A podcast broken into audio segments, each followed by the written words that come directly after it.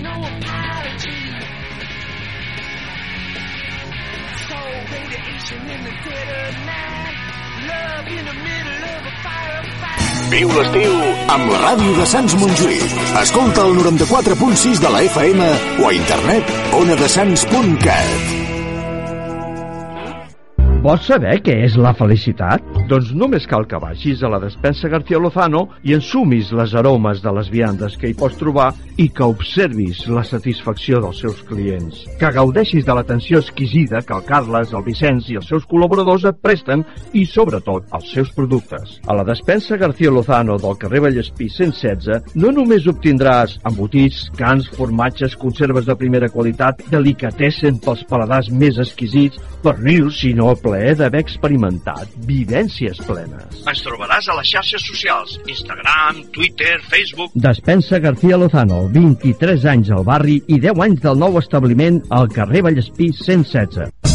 Les hamburgueses de 5 estrelles arriben a Sants. Vols gaudir del sabor d'una autèntica hamburguesa gourmet? Vols menjar-te-la en un ambient diàfan, agradable i acollidor? Al carrer Moianès 75, Timesburg.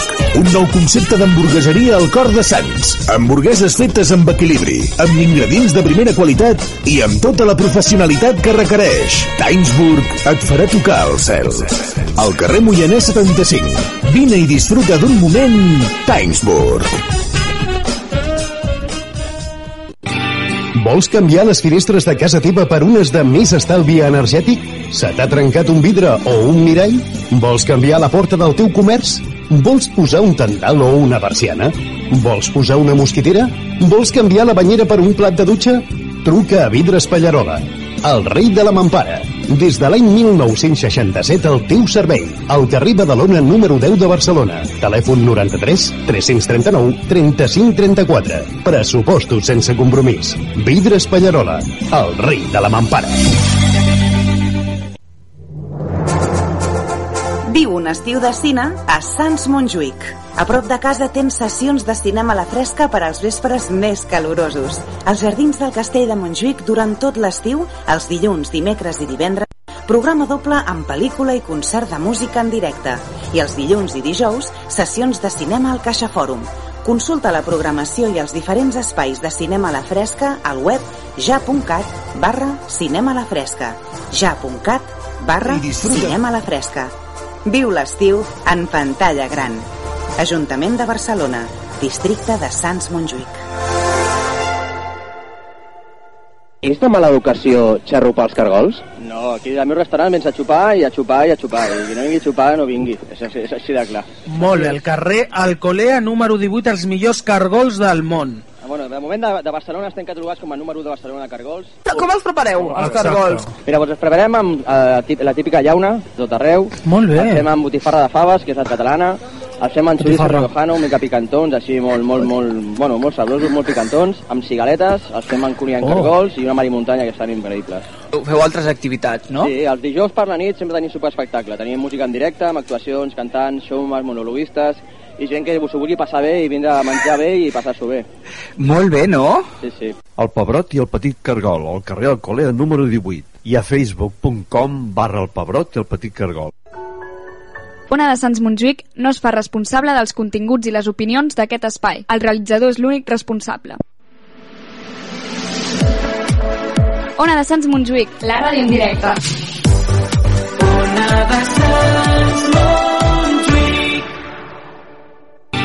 Vols canviar les finestres?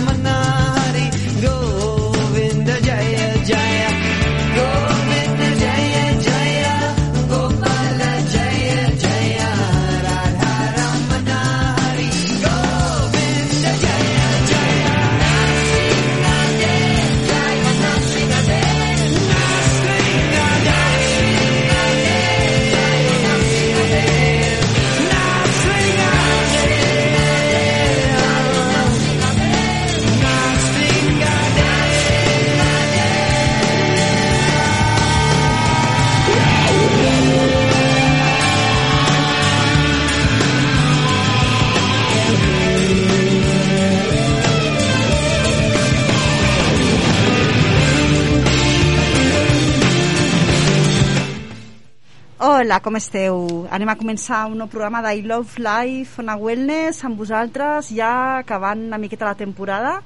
Eh, pràcticament serà el darrer programa aquest de la temporada, si no fem algun extra. Vale? Estem amb Laura Clemente i la Irene, aquí a Ona de Sants, 94.6 la FM, onadesans.cat. Anem a entrevistar a Laura García, ara la truquem i de seguida estem amb ella i anem a parlar de llibres, de teràpia amb llibres. Yeah, yeah.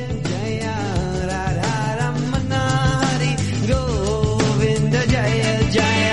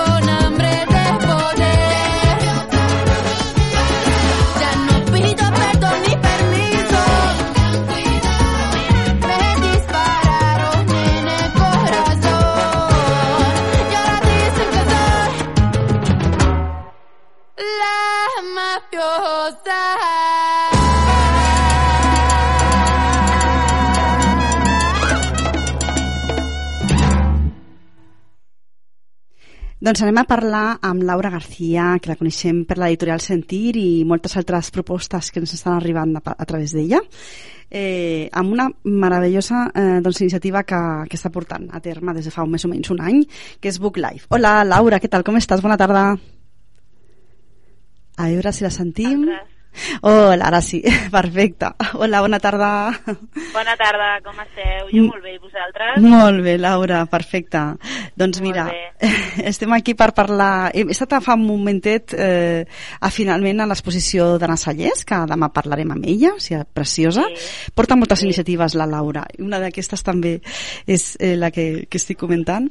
I ara anem a parlar d'aquest Book Life, eh, que em sembla, em sembla una proposta meravellosa per fer biblioteràpia. Sí, de fet Book Life és un projecte que ja fa molt temps que estic començant a, que vaig començar a treballar, eh, llegint, triant els temes, triant les lectures. Jo sempre he pensat que la literatura ens pot ajudar molt a la nostra vida, no només té els beneficis que coneixem, no? de neurològics, de desenvolupament, de fer-nos viatjar a altres mons, sinó que té una part emocional molt important que ens fa estar millor i, i un benefici a nivell sentimental, emocional i de desenvolupament personal.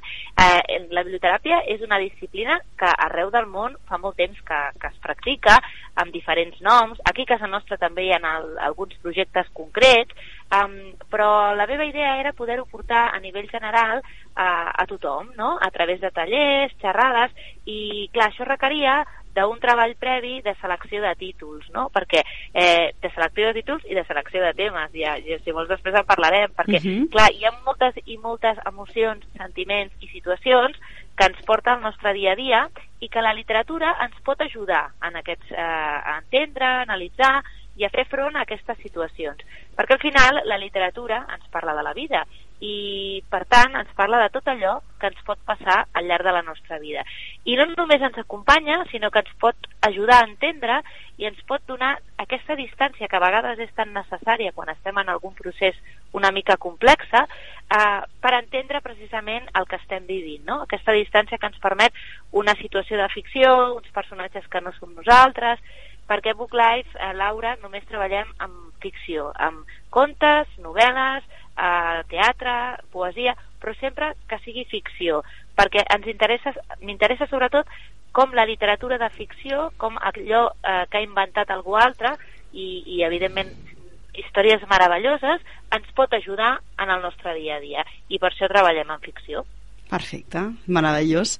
Doncs uh, la veritat és que és així, nosaltres moltes vegades amb els jo amb els meus amics i amigues no, comento que durant la pandèmia el confinament més estricte de tres mesos em va ajudar moltíssim llegir uh, i a més llibres diversos depenent de, del dia com et trobaves el que tu comentaves, no? Depèn de, la, depenent de les emocions que es movien doncs a triar llibres no? i la veritat és que mm, la, la gent eh, la, la veritat que hem descobert mm, encara més redescobert la cultura en aquest sentit terapèutic no? de la paraula Sí. i la literatura lògicament gràcies a que eh, transcendeix que pots estar molta estona amb un llibre i passar una estona Mm. meravellosa no? doncs pot anar molt molt bé De fet, la literatura té el component més d'oci, no? de, de Mhm. passar-ho bé, de conèixer molt, moltes persones diferents, però sí que és veritat que durant la pandèmia eh, molta gent ne- necessitava o buscava en la literatura i en la cultura en general respostes, no?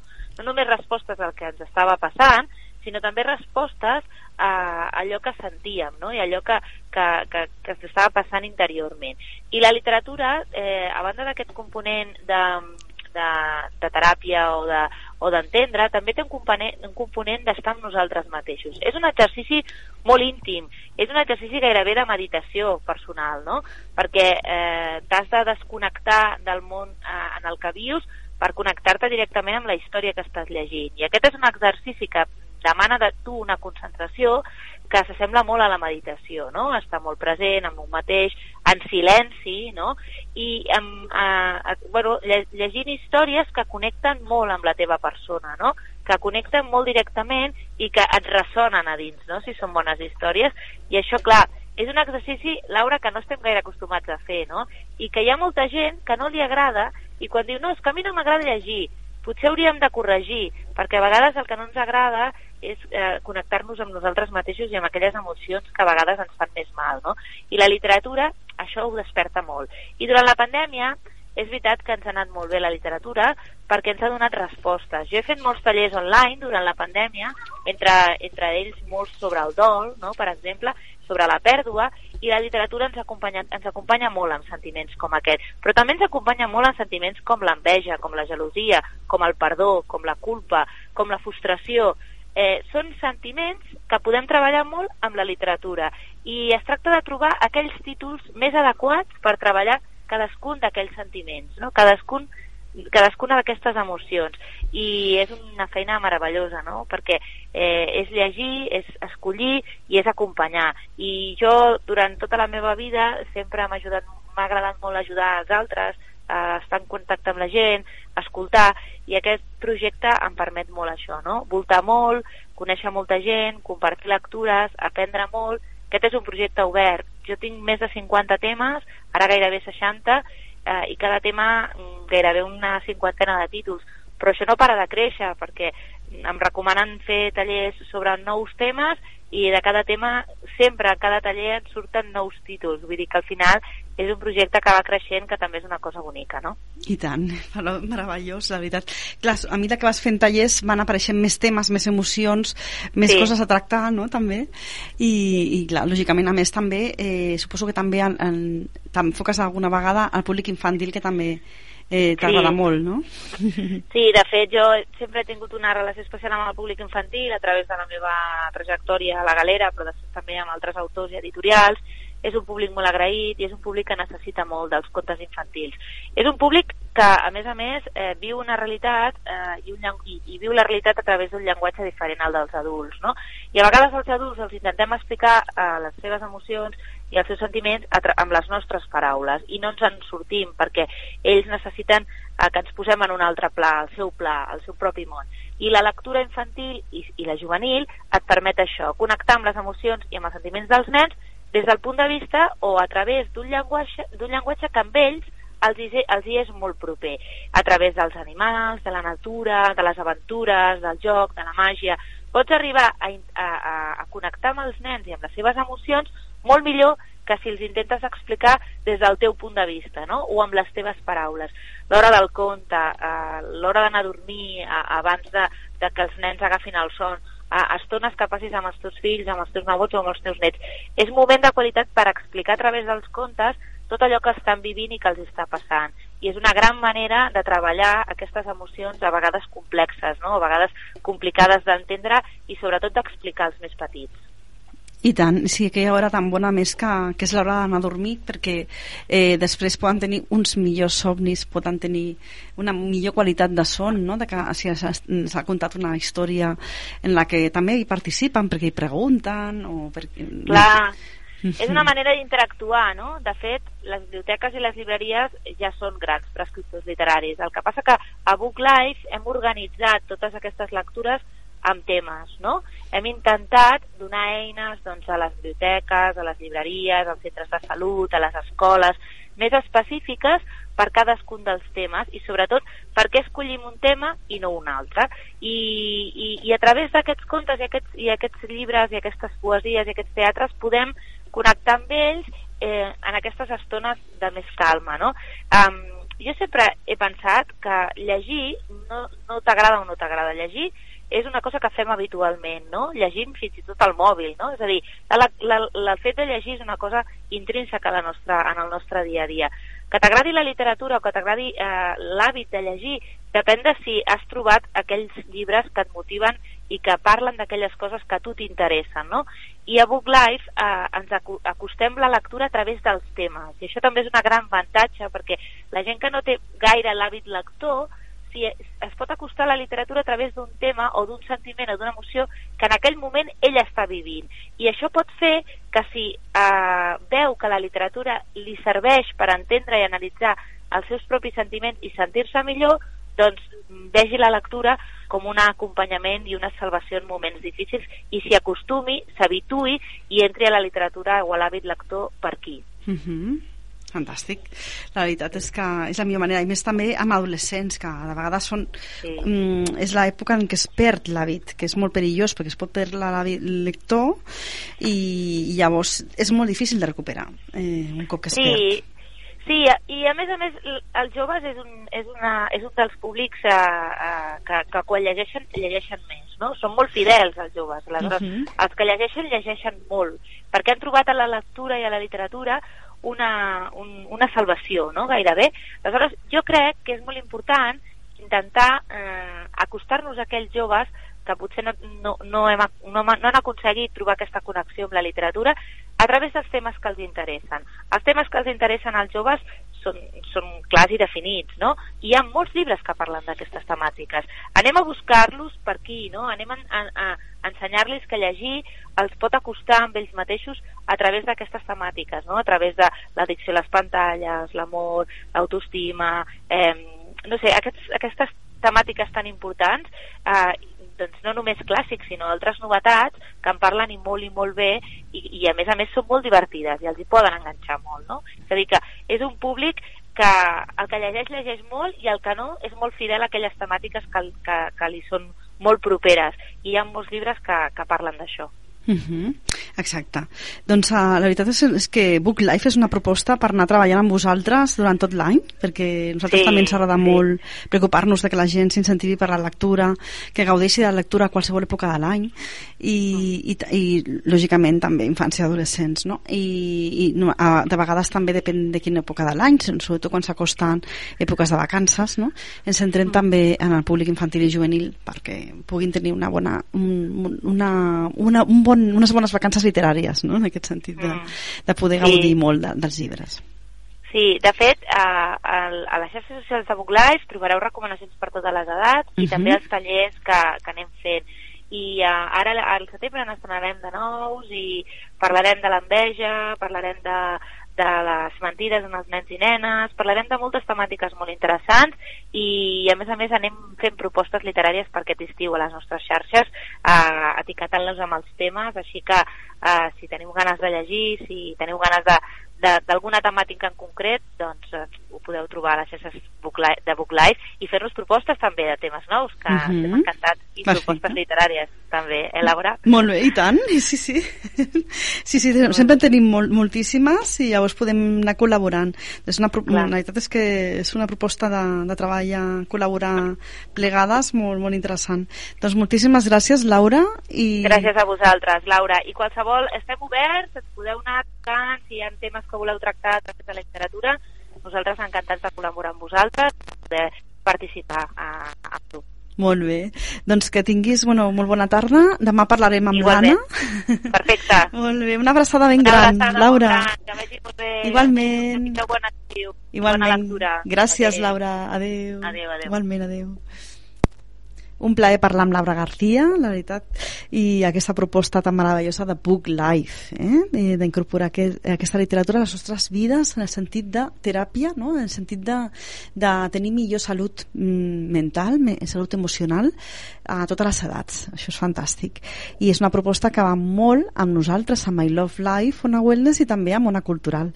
Doncs, uh, bueno, doncs anem a cloure el programa. Avui no podem estar a les 6 amb vosaltres mm, per un tema de salut que ja sabeu que, que arrastro des de tota la setmana passada, però cap problema. Eh? Segurament que estaré millor demà i demà estarem amb vosaltres en Hirender News i eh, Districte Viu, que serà edició conjunta amb una cultural perquè entrevistarem una artista molt interessant, Anna Sallés, que acabo de veure la seva exposició i m'he quedat al·lucinada perquè és una cosa totalment diferent. També us passaré fotos i ja veureu com eh, també es pot parlar d'art i de natura, es pot parlar d'art i de medi ambient i de transformacions i de, i de canvis, no? I és molt, molt interessant. Que tingueu molt bona tarda de dilluns, que comencem molt bé la setmaneta, aquesta setmaneta estiuenca de calor i ens veiem demà també, ens escoltem demà. Això estimem oients, aquí amb la Laura Clemente i la Irene, amb vosaltres i, i ben aviat també eh, dijous tindrem la secció on a cinema que encara tindrem dos dies de secció a cinema. Tindrem aquest dijous i el dijous vinent, perquè parlarem de les nits de cinema oriental de Vic. Adeu! Ona de Sants Montjuïc, la ràdio en directe.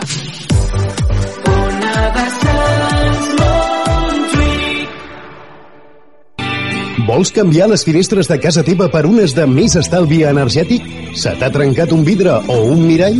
Vols canviar la porta del teu comerç? Vols posar un tendal o una persiana? Vols posar una mosquitera? Vols canviar la banyera per un plat de dutxa? Truca a Vidres Pallarola, el rei de la mampara. Des de l'any 1967 al teu servei. Al carrer Badalona número 10 de Barcelona. Telèfon 93 339 35 34. Pressupostos sense compromís. Vidres Pallarola, el rei de la mampara. Les hamburgueses de 5 estrelles arriben a Sants. Vols gaudir del sabor d'una autèntica hamburguesa gourmet? Vols menjar-te-la en un ambient diàfan, agradable i acollidor? Al carrer Moianès 75. Timesburg. Un nou concepte d'hamburgueseria al cor de Sants. Hamburgueses fetes amb equilibri, amb ingredients de primera qualitat i amb tota la